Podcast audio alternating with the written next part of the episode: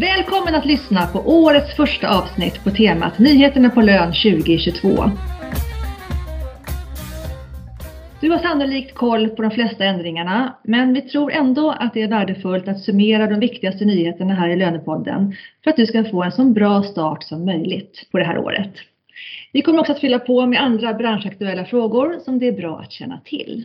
Sedan vi startade Lönepodden för fyra år sedan har vi haft det här temat i januari varje år och bjudit in olika experter. Den här gången har vi bjudit in Britta Nilsson som är Content Manager för tjänsten Lönexpert på Visma Draftit. Välkommen! Tack! Och min bisittare är Senny Sjölund, branschansvarig för lön på SRF-konsulterna. Välkommen till dig också Senny! Tack så mycket Katarina! Ja, och mitt namn är som sagt Katarina Sand och jag arbetar som eventkoordinator och nätverksledare på rekryteringsbyrån Wise Professionals som bland annat hyr ut och rekryterar lönekompetens.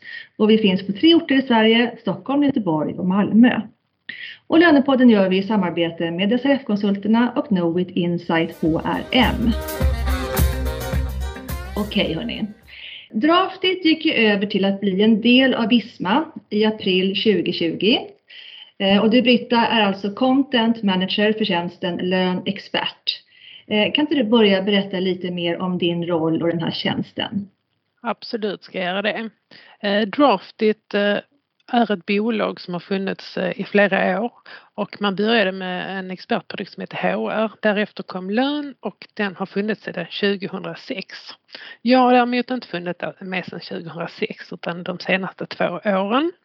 Och vi hjälper företag och organisationer med regelefterlevnad inom en eh, hel del juridiska områden och bland annat då lön.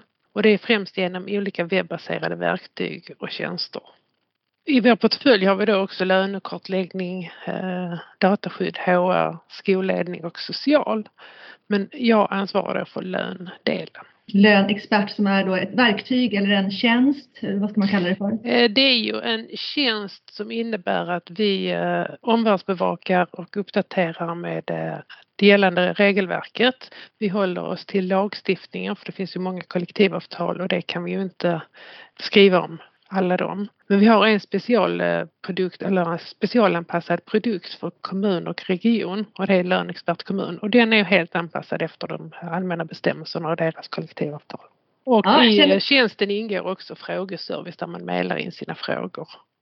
Som du svarar på då eller är det du som är? Jag har externa eh, experter till min hjälp så jag har två externa på den eh, privata sidan och en på den kommunala sidan. Så jag har tre stycken experter till min hjälp. Okay. Som i sin vardag jobbar med frågorna. Jättefint, tack. Då känner vi oss trygga, eller hur Senni? Vi har en riktig löneexpert med oss idag. Ja, det är lite spännande. Jag tänkte bara fråga, hur, hur hamnar man, man tänker när man jobbar med lön, hur hamnar man i en sån här roll? Vad har du gjort tidigare, Britta? Ja, jag halkade in på lön eh, lite mot min vilja för cirka 30 år sedan. Man hade jag tillhörde en kommunal förvaltning som eh, hade blivit ett aktiebolag under min föräldraledighet så att när jag kom tillbaks presenterade att du kör löner om två månader och det gjorde jag och det har jag gjort. Och det har varit jätteroligt. Jag har haft många olika roller och nu kände jag att det var dags att göra något annat än räkna lön. Ja, ge tillbaka på ett annat sätt. Vad roligt. Eh, Britta, då tänkte jag att du skulle få börja med att eh, dra de här nyheterna på lön 2022. Eh, Nytt för 2022 är ju prisbeloppet är ju då höjt till 48 300 och det fastställer värdet för högsta sjukpenninggrundande inkomst, eh, sjuk och föräldrapenning och det används också inom vissa beräkningar i skattesystemet. Sen det förhöjda prisbeloppet är höjt till 49 3 och det används bland annat eh, för beräkning av pensionspoäng till den tidigare allmänna pensionssystemet ATP. Eh, och de som omfattas av det, det är ju de personer som är födda fram till och med 1953. Sen har vi slutligen då inkomstbasbeloppet som är 71 000 kronor och det påverkar bland annat inkomsttaket för den lagstadgade pensionsgrundande inkomsten. Har vi något annat vi behöver nämna om prisbasbeloppen? Ja, det är ju det att, att vi har lite förändringar där också i vilka nivåer som är. Så där gäller det att ha koll på om man har eh, till exempel kollektivavtalsanpassade tilläggsförsäkringar så är det en så här lätt hänt att man missar att uppdatera i systemen. Särskilt som du säger Britta, det finns ju så otroligt många kollektivavtal eh, i den här hanteringen och många har ju liksom samma förutsättningar. Men det ingår väl i det här med att man ser över sina system, att just vad blir det för effekt in från förändringar kring prisbasbeloppen i de här delarna. Precis. Vi har ju också en, en förändring när just när det gäller prisbasbeloppen så handlar det lite grann om att förutsättningarna är ju lite annorlunda också i de här delarna. I och med Mm. att vi har en, vi har höjt inkomsttaket eh, från 8 till 10 prisbasbelopp just när det gäller det som är sjukpenning, rehabiliteringspenning och annat. Så det gäller ju att kolla av de sakerna om det är någonting som ger effekt rakt in i, i lönesystemen. Ja men precis. Prisbasbeloppet påverkar även kostförmånen. Den är oförändrad för eh, 2022. Den ändrades förra året och då gjorde man om hela beräkningen. Så det numera är eh, 0,52 procent av prisbasbeloppet. Så kostförmån för eh, samtliga tre måltider för en dag eller helt fri kost är 250 kronor. Fri frukost är 50 kronor och fri lunch eller middag är 150 kronor. Så när det gäller traktamente så är det också oförändrat eh, inrikestraktamentet och det har väl legat stilla några år nu eller vad säger du Senni? Ja, och man kan tänka sig att det är ju, det är ju någonting som vi kanske inte använder oss lika mycket av just nu i de här tiderna. Nej. Vi reser väl inte riktigt lika mycket kanske. Men, men det är klart att det är, det är sånt som man, det är alltid så vid årsskiftet att man får vara lite observant. Och det kommer kanske lite frågor också från eh, de anställda just kring de här delarna. För det är det som syns ganska tydligt. Precis och framförallt så ska ju reseräkningarna lämnas in eh, i tid. Dels för att man ska ha rätt belopp vid årsskiftet men dels för att det ska hamna på rätt arbetsgivardeklaration. Däremot utlandstraktamenten är ju uppdaterade och det kom nya anvisningar från Skatteverket i november. Mer som är oförändrat det är den skattefria milersättningen. Det är fortfarande 18,50 för egen bil. När det gäller förmånsbil så är det 6,50 eh, per mil om man kör med diesel och övriga bränsleformer är 9,50. Och där kan man ju undra varför man inte justerar det med tanke på hur, hur utvecklingen går. Precis, det borde vara eh, det dubbla på diesel. eh, motorcykel, mopedbil 9 kronor, Eh, moped 4,50 och cykel 350 kronor. Reseavdraget är i nuläget eh, oförändrat och så 11 000 kronor per år till deklarationen men det vet vi inte för det ligger något förslag eh, om förändringar där. Vad har vi mer? Vi har bostadsförmånerna.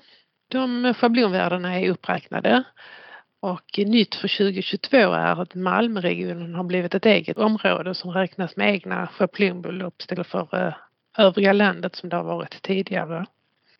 Så det är ju något att eh, tänka på om man använder sig av bostadsförmåner. Så statslåneräntan eh, som är den 30 november varje år påverkar olika saker eh, eh nästkommande år, bland annat beräkning av bilförmån och förmån för lån från arbetsgivaren och det är då satt till 0,23 procent per den sista november 2021.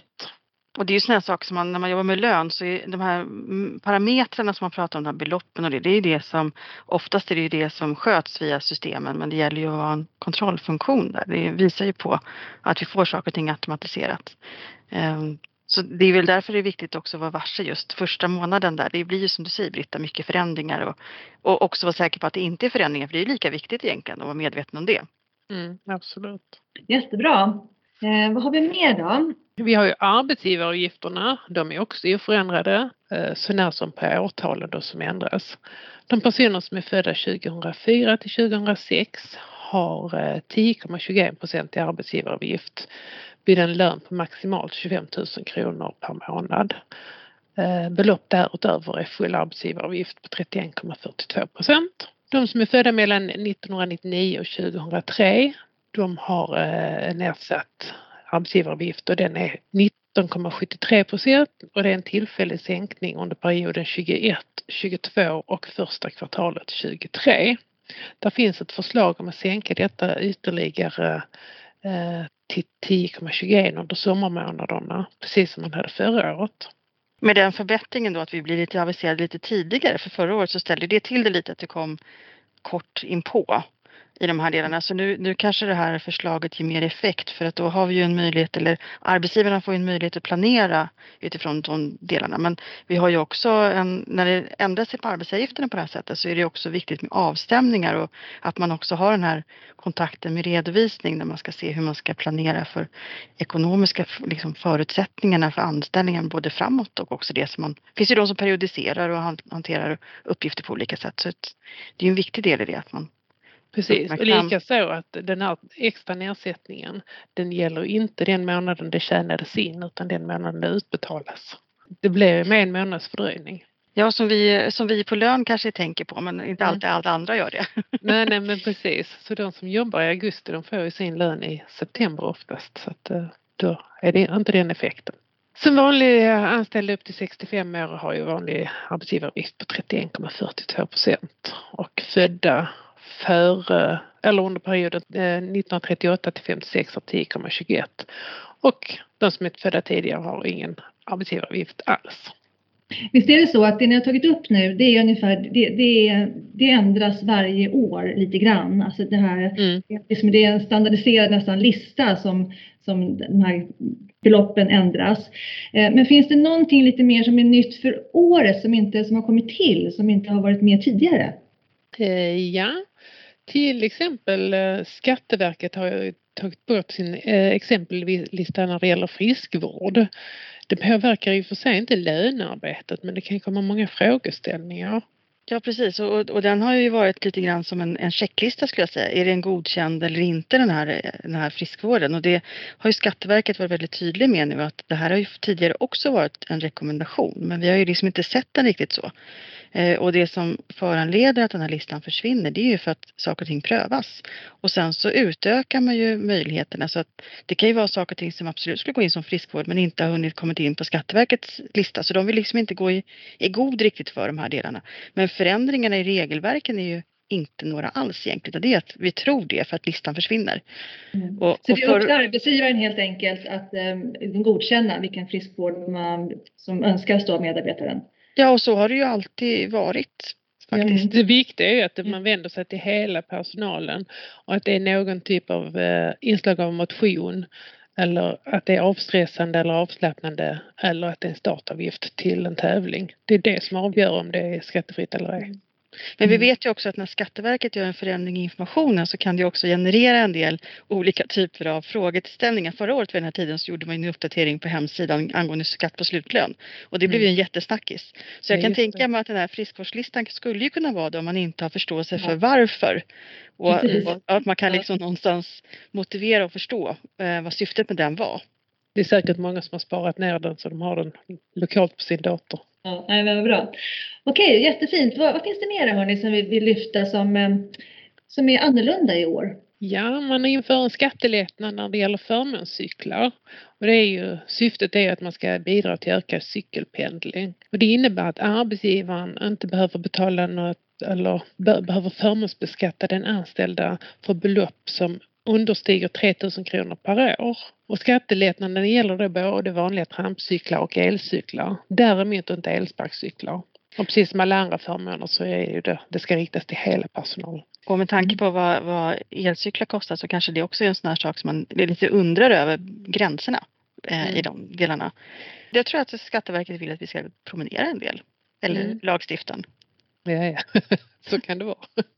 Jättefint. Är det någonting ja. mer där som du vill lägga till Britta? Ja, det är det här också att eh, tillfälligt anställda eh, kan få skattefri milersättning och traktamente.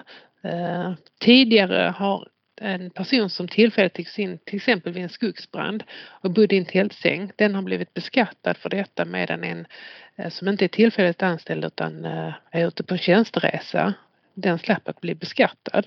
Så numera så ska det eh, arbete, tillfälligt arbete på annan ort ska jämställas med tjänsteresa. Och det är mm. under förutsättning att det pågår högst en månad. Och där kan man ju säga att jag tror att det där är väl en, del, det, där, var ju kopplat till krisen, till exempel de här stora bränderna som var, att man, det var lite frågeställningar kring det, men vi, vi går ju in i en helt annan typ av förutsättning när det gäller arbetsplatser och sånt. Så där har vi väl att vänta lite tydliggörande också från Skatteverket generellt kring att jobba hemifrån. Um, vet vi att det är på gång lite mer liksom ett helt helhetsgrepp kring hur man ska tänka kring de här frågeställningarna. Precis. Mm. Och apropå arbetsplats. Det är något man kan hitta då på Skatteverket förstår jag sen. De kommer att komma med en liten rapport eller? Ja, som jag, för, som, jag för, som jag förstår kommer de att liksom ta lite mer helhetsgrepp i och det är inte så att det kommer nya förutsättningar utan det kan vara så att när man idag diskuterar vad ska man jobba någonstans, vad blir det för effekter, skatteeffekter så finns det ju olika typer av förutsättningar som man tycker är regel och det är inte alltid tydligt. Och sen, det förekommer ju också det här med att det ska vara 50-50 uppdelat arbetsplatsen och det är lite olika, det gäller ju inte riktigt så utan det kan vara olika förutsättningar och det, där behöver ju Skatteverket kanske hjälpa till lite och det tror jag att de har insett. Och de kom ju med ett ställningstagande i början på december just vad mm. ska betraktas som tjänsteställe. Eh, när man då har eh, möjlighet att delvis arbeta på andra arbetsplatser. Ja, och då sa man att eh, eh, om arbetsgivaren tillhandahåller en arbetsplats så är det det som ska räknas eh, som tjänsteställe. Sen om jag väljer att jobba hemifrån så är det inte det som avgör utan har jag möjligheten till en arbetsplats då är det där som är tjänstestället. Ja mm. precis och informationen kan ju vara lite svår att hitta ibland så det är det jag menar att Skatteverket utifrån de ställningstaganden och den informationen och de regler som finns tidigare så mm. har de en ambition att göra ett, liksom ett mer paket kring det här som jag förstår så att det ska bli lättare ja. att hitta. Det är inte helt lätt och det är där bland annat jag kommer in i bilden mm. att uh, uh, förse våra kunder med den informationen. Ja, vad fint eh, Britta. Har du någonting mer där eller ska vi gå vidare? Vi har ju lite till sen jag nämnde det här med höjt tak i sjukförsäkringen. Jag vet inte om du ville säga någonting mer om det, men det höjs ju från 8 till 10 prisbasbelopp. Precis, och det var ju det vi var inne lite grann på där med att man måste se över om det är kopplat till olika typer av lönearter, att man har med föräldrapenningtillägg och annat som kan ge en inverkan där tänker jag. Ja, och sen påverkar det ju då sjuklön dag 15 och framåt. Men där är det viktigt att se vad, vad är det skrivet i kollektivavtalen för de ska ju hinna med också. Jag vet att eh, kommunala avtalen, där har man redan hunnit göra en justering men alla har inte gjort det och då är frågan, gäller 8 eller 10 då? Var ska man börja betala eh, sjuklön? Så det, mm. det är ju viktigt att man tar med sin arbetsgivarorganisation också, inte bara ställer om i systemet.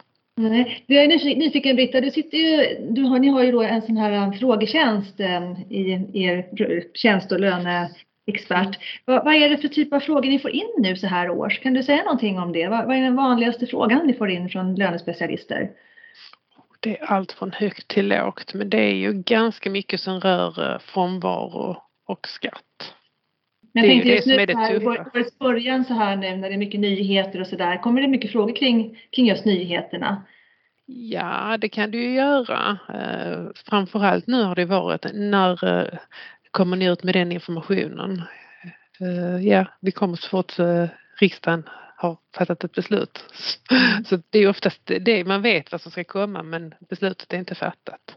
Nej. Eh, vad, vad, söker ni den här informationen någonstans sen? Jag vet, du är ju, alltså, även du Britta såklart.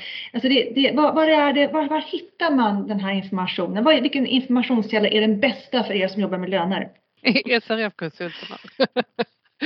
Nej, jag tittar väldigt mycket på eh, Skatteverkets sida och Försäkringskassan och sen så följer jag nyhetsbevakningen helt enkelt. Och du då Jenny? Ja, så det beror på, det finns ju kort och lång sikt för att det finns ju de sakerna som man förväntar sig men ibland kan det komma saker som man kan ha en känsla av att det, att det är på väg. Eh, och, och, där är det ju så i, i, den rollen som jag har till exempel så måste man ju tänka vad skulle kunna komma om ett halvår, ett år.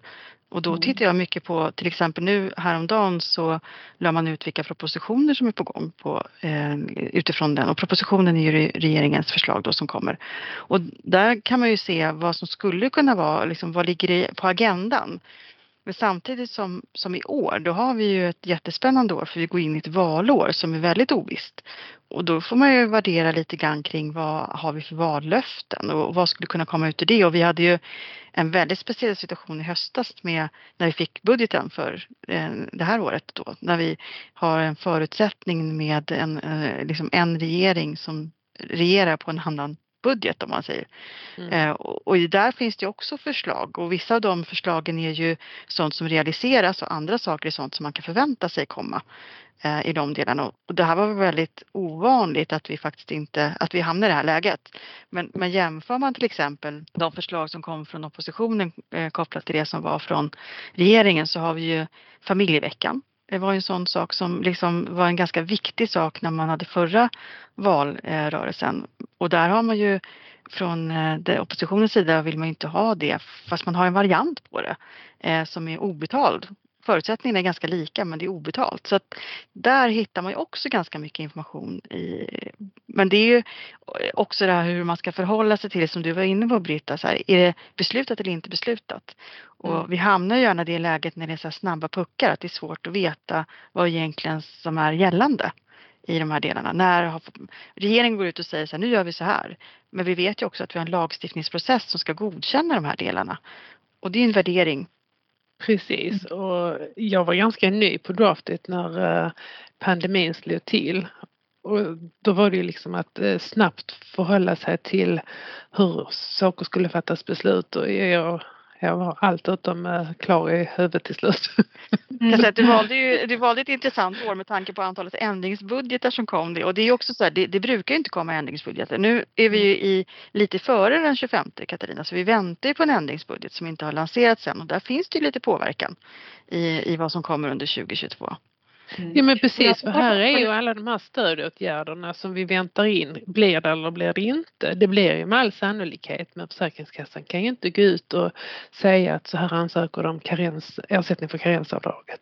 Sen är det väl så också att Tillväxtverket eh, nu lämnar över eh, sina uppgifter när det gäller korttidspermittering till Skatteverket. Ja det stämmer, från 1 april 2022 eh, finns det ett förslag om detta. Mm. Och det finns ett förslag också att man eh, ska ta bort karenstiden när man ska kunna söka tillfälligt stöd, att man tar bort det tillfället också. För annars så, de som har haft under den här eh, tillfälliga perioden hade inte haft möjlighet att söka det ordinarie eh, stödet. Mm, ja, för vi är ju i det läget att vi har ju en ordinarie lagstiftning som aldrig prövades och sen tog man den ordinarie lagstiftningen så har man gjort tillfälliga ändringar. Och det har ju varit så att den här korttidsstödet var ju från början någonting som var tänkt för industrin så det har liksom hackat lite.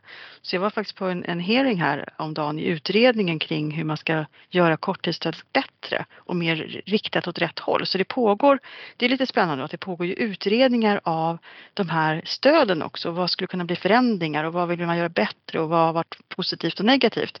Så det blir ju också någonting som blir säkert efterdyningar i 2022. Vi hoppas ju på att vi ska vara i ett annat läge om ett par månader så att vi skulle kunna säga att, att vi kan använda oss av frasen efter pandemin eller nu när pandemin är över. Dit vill vi gärna nå. Tills dess är vi ju ändå i läget att det kommer mycket för, snabba förändringar och, och vi har liksom saker och ting som kanske inte alltid påverkar lön direkt men indirekt så finns det ju sådana delar in där och när det väl har kommit till, då tänker jag att då kommer den här stora frågan igen med arbetsplatser och det som vi pratar om med Skatteverket. Men det handlar ju om så mycket mer när det gäller att jobba hemifrån till exempel med arbetsmiljö och, och de delarna. Och utifrån att vi på lön har gjort en jättestor växling i hur vi arbetar digitalt.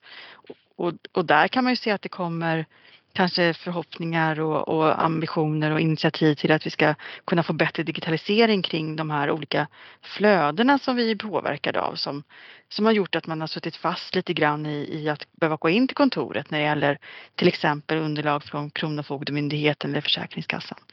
För det är just det jag tänkte på att det har ju alltid kommit med posten så om inget annat mm. så måste man hämta det på kontoret. Ja, och där vet vi att Kronofogdemyndigheten håller på med en, en utveckling.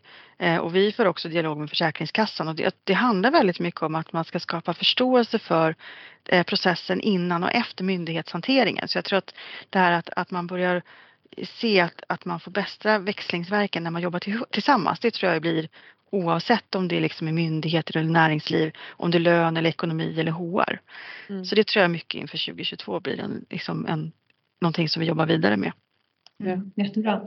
Jag tänker så här att eh, vi måste också hinna få med lite grann kring, eh, kring det som är alltså branschaktuella frågor sen. Sånt mm. som är på gång som man bör ha koll på som lönespecialist.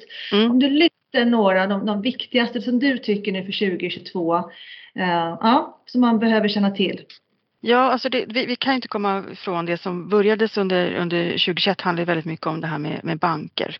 Alltså vi ser att det blir stora förändringar när det gäller betalningsinfrastrukturen. Det ska ju visserligen inte bli liksom ett, ett läge där alla går över samtidigt utan det är ju bank för bank. Och de här olika deadlines för när man till exempel byter ut formatet eller när det blir krav på bankkontonummer eller annat. Ja, det är ju upp till varje bank att hantera det. Även om det finns liksom ett gemensamt överenskommet datum för när alla ska vara över så är det liksom i olika steg. Och här är det jätteviktigt att man har en dialog med sin systemleverantör för att även om man är överens med banken om när en bankfil ska skickas så måste man ju också ha stöd för det i systemet så att man vet att nu måste jag se över att jag har rätt bankkontonummer eller att jag ser över de här olika delarna in i att jag har rätt filformat för att få ut lönefilen och det vet ju jag att systemleverantörerna är ju på de här frågorna så det är bara ett säkerställande i, i de delarna. Så, så det som vi kallar för P27 är jätteviktigt, eh, bankerna. Vi har ny lagstiftning kommer in, visselblåsardirektivet. Det är ju någonting som man kanske inte ser effekten av direkt men det är ju såklart att det är någonting som kan komma påverka oss i våran yrkesutövande snarare än att det blir en lönehantering. Så det är mer kopplat till processer i de delarna.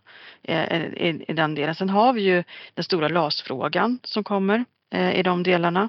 Eh, och vi har ju också all typ av digitalisering som fortsätter i de här in i 2022. Vi kommer ju inte stå stilla i utvecklingen på det sättet. Jag tror att det här med informationsutbyte, flöden, digitalisering, det är sånt som kommer att fortsätta utvecklas helt enkelt. Och sen har vi penningtvättslagen. Mm. Ja men det är, en, det är en väldigt intressant eh, del. Det är ju så att eh, för de som lyssnar och som jobbar inom redovisningsbranschen så är det ganska givet att man liksom omfattas av penningtvättslagen om man jobbar på en sån typ av byrå. Men vi ser ju också en väldigt rolig utveckling med lön, att man startar nya lönebyråer och hur ligger löneuppdragen kopplat till det här? För vi ser ju, vi ser ju att ekonomisk brottslighet är också sånt där område som kommer att komma in till oss på lön för att vi jobbar ju med, eh, vi jobbar ju med anställningsavtal och lönespecifikationer, sånt som faktiskt nyttjas på ett felaktigt sätt av många kriminella. Så det kommer ju liksom krypa in för det är myndigheterna och regeringens och säkert kommande regering beroende på vad det blir för valresultat kommer ju ha fokus på det för man försöker liksom stävja det här. Eh, och penningtvätt är ju ett sätt att någonstans se till att de här finansieringen av brottsligheten inte ska funka. Man har ju mycket krav på sig. Men det är inte helt tydligt i hur man utifrån ett löneperspektiv faktiskt ska, ska agera utifrån penningtvättslagen. Eller lagen om penningtvätt som det heter. Och där får man ju se, där, där har vi i varje fall börjat ha en diskussion med länsstyrelserna som är ansvarig myndighet för det här. Eh, för vi har ju det liksom på redovisningssidan så har vi det klart. Men länsstyrelserna försöker vi liksom få en dialog kring hur kommer det här påverka i lön? För det är inte helt tydligt. Och sen bokföringsutredningen, vad händer där? Ja, där, det är också en väldigt spännande utredning. För den, den kommer ju påverka in i, i, också i processen kring det här med digitala kvitton framför allt. Som har varit lite som ett aber. Och då man har tolkat olika lagar på olika sätt. Här moderniserar man bokföringslagen. Och vad utfallet blir av det, det vet vi inte riktigt. För att i den 24 januari som är då igår, då kommer då eh, remissvarstiden eh, att vara avslutad. Och då har alla fått komma in med sina synpunkter på det lagförslag som ligger. Där man då ska förenkla i, i delar, framför allt då påverkade oss när det gäller eh, kvittohanteringen. Men också eh, någonting som är viktigt, det handlar om i hur man hanterar arkivering och systemdokumentation och molntjänster. Det liksom ligger i den häraden också. Så då pratar vi säkerhet, vi pratar IT, vi pratar liksom att stävja brottslighet på olika, i olika aspekter. Så lön kommer ju liksom att bli mer påverkad av stora samhällsströmningar också tror jag i den här. Vi, vi blir mindre och mindre en enhet som inte är integrerad i andra delar av, av verksamheten. Eh, sen, jag vet, du har ju många järn i elden och du har ju liksom många olika liksom sammanslutningar där du verkar. Eh, vad, vad, har du på din agenda för 2022 utifrån SRF-konsulternas liksom perspektiv? Ja, det är de frågorna som jag har tagit nu. Vi, vi ser ju hur vi ja. liksom ska hjälpa till att reda i de här delarna men också vara på och påtala liksom vad lön kommer in i olika sammanhang. Att det liksom är givet att lön inte glöms bort. Vi har ju, Britta tog upp exempel med korttidsstödet här. Alltså om, om vi inte hade hjälpts åt på löne, i lönebranschen att få fram till exempel branschkoden där, då hade det varit jobbigare. Men om vi kan vara med i ett steg tidigare så att det inte blir en efterkonstruktion utan vi får vara med innan, i steget innan, då blir det ju mycket enklare för oss på lön. För vi kommer ju inse, vi måste ju inse det att vi lever i en jätteföränderlig värld. Vi kommer aldrig ha facit. Men vi måste kunna vara med och påverka där vi kan. Så det ligger på min agenda helt enkelt. Så du jobbar proaktivt för att det ska bli lättare för, Ja. för de som arbetar med lön helt enkelt. Ja, fantastiskt bra. Och så säger de att det är tråkigt att jobba med lön. Det är ju hur roligt som vad helst. säger det? Ja. Är inte våra lyssnare. Nej. Eh, är det någonting mer här Senni och Britta när det gäller nyheterna innan vi börjar? Eh, vi har några saker till vi ska ta som inte riktigt har med det här att göra. Men jag bara tänkte kolla först om det är någonting som vi har missat som ni känner att vi ska ta upp här nu på temat. Ja, det, här är, det är ju de här stödåtgärderna på grund av pandemin som har återinförts och förlängts. Men där väntar vi ju på eh, eh, beslut på en Så ändringsbudget. håll utkik helt enkelt. Var ska, var ska man hålla utkik någonstans då? Man kan hålla utkik eh, på Visma Draftits eh, lönexpert löneexpert eller så kan man eh, lyssna på när vi ska ha vårt event Expolön. Där kommer vi garanterat berätta vad som har blivit beslutat. Mm, Okej, och om man, vill, om man inte kan det då, vad gör man då? Går man, går man till, skatte, till Skatteverket eller riksdagens hemsida eller vad gör man då Senni? Ja, alltså jag tänker att jag är ju, jag är ju lite av en informationsslukare så att jag sätter upp mig på nyhetsbrev från alla håll och kanter. Och jag tänker också att tänka lite utanför den här eh, berömda boxen. Att man, det gäller ju att se saker och ting som man kanske inte direkt förstår hanterar lön i det perspektivet att det kan komma att hantera, eh, påverka lön. Det tror jag liksom är, och det kanske man inte alltid orkar göra men då är det ju det här med att man är med i nätverk skulle jag eh, liksom pusha för. Jag vet att ni har Katarina, det finns andra nätverk, att man liksom har erfarenhetsutbytet för det är ofta där man fångar upp saker och ting och det som är lite otydligt kan man eh, diskutera. Eh, så det tycker jag är en, en jättebra del. Och sen jag tycker ju att, jag måste ju säga att jag tycker att LinkedIn är ju fantastiskt eh, i den här att man har, man har en möjlighet att både träffa på nya personer som man ser har intressanta inlägg och också kanske vidga vyerna lite utanför Sveriges gränser för det finns ju saker och ting som påverkar utifrån också. Nu, nu komprimerar vi ju hela 2022 på en ganska kort tid och det är klart att vi täcker ju inte allt. Eh, och det finns ju mycket mer man skulle vilja säga för att jag tror ju till exempel att det, det viktigaste vi måste tänka på är att vi skapar hållbarhet på alla fronter eh, så att vi liksom klarar av det här tillsammans. Tack! Tack Britta för att du deltog så fint. Eh, vi har ju ett par andra förändringar sen, eller nyheter är det faktiskt inte, utan det är mer förändringar som vi vill berätta om för våra lyssnare. Både din och min parhäst slutar här nu snart, vilket vi tycker är jättetråkigt. Eh, och vi vill såklart eh, tacka de här två personerna. Det är Katrin Dahl på SRF-konsulterna som går i pension här nu snart i mars Eh, som är din parhäst Senny och så är det min kollega Barbara Lidholt eh, som också är bisittare i Lönepodden ibland som lämnar Vice Professionals för att testa sina vingar på annat håll. Eh, och det, det, det kommer ju bli ett tomrum efter de här personerna.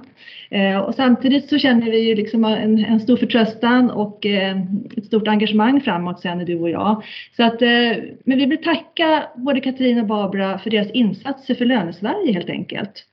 Och så kan vi passa på att nämna att om du känner att du är nyfiken på vad ett jobb på SRF-konsulterna eller Vice Professionals skulle innebära och kanske ta, ta Barbaras och eh, Katrins roller så är du varmt välkommen att kontakta mig eller Senni. Ska vi säga så Senni? Ja, jag måste ju bara säga det att, att eh, jag vill lyfta Katrins insatser som kanske inte alltid syns utåt också. Så att jag, den insatsen som man gör för lön på olika sätt så, så tappar vi en, en stark eh, värnare, eh, någon som, som verkligen värnar om lönerollen. Eh, men jag, det är henne väl förunt att få göra andra saker. Eh, men, men eh, verkligen vilken, vilket bidrag till Lönesverige. Mm. Och eh, Barbara var ju, var ju hon som hon, det var ju Barbara som har byggt upp eh, löneområdet på, på Vice Professionals. Så hon har ju haft en stor, eh, stor inverkan där och varit med och drivit Inspiration Lön och, och Lönepodden och, och allt det vi gör. Så att eh, hon har också gjort, blivit en löneprofil, i alla fall här i Stockholm. Så ett stort tack till dig också Barbara för det, allt det du har gjort.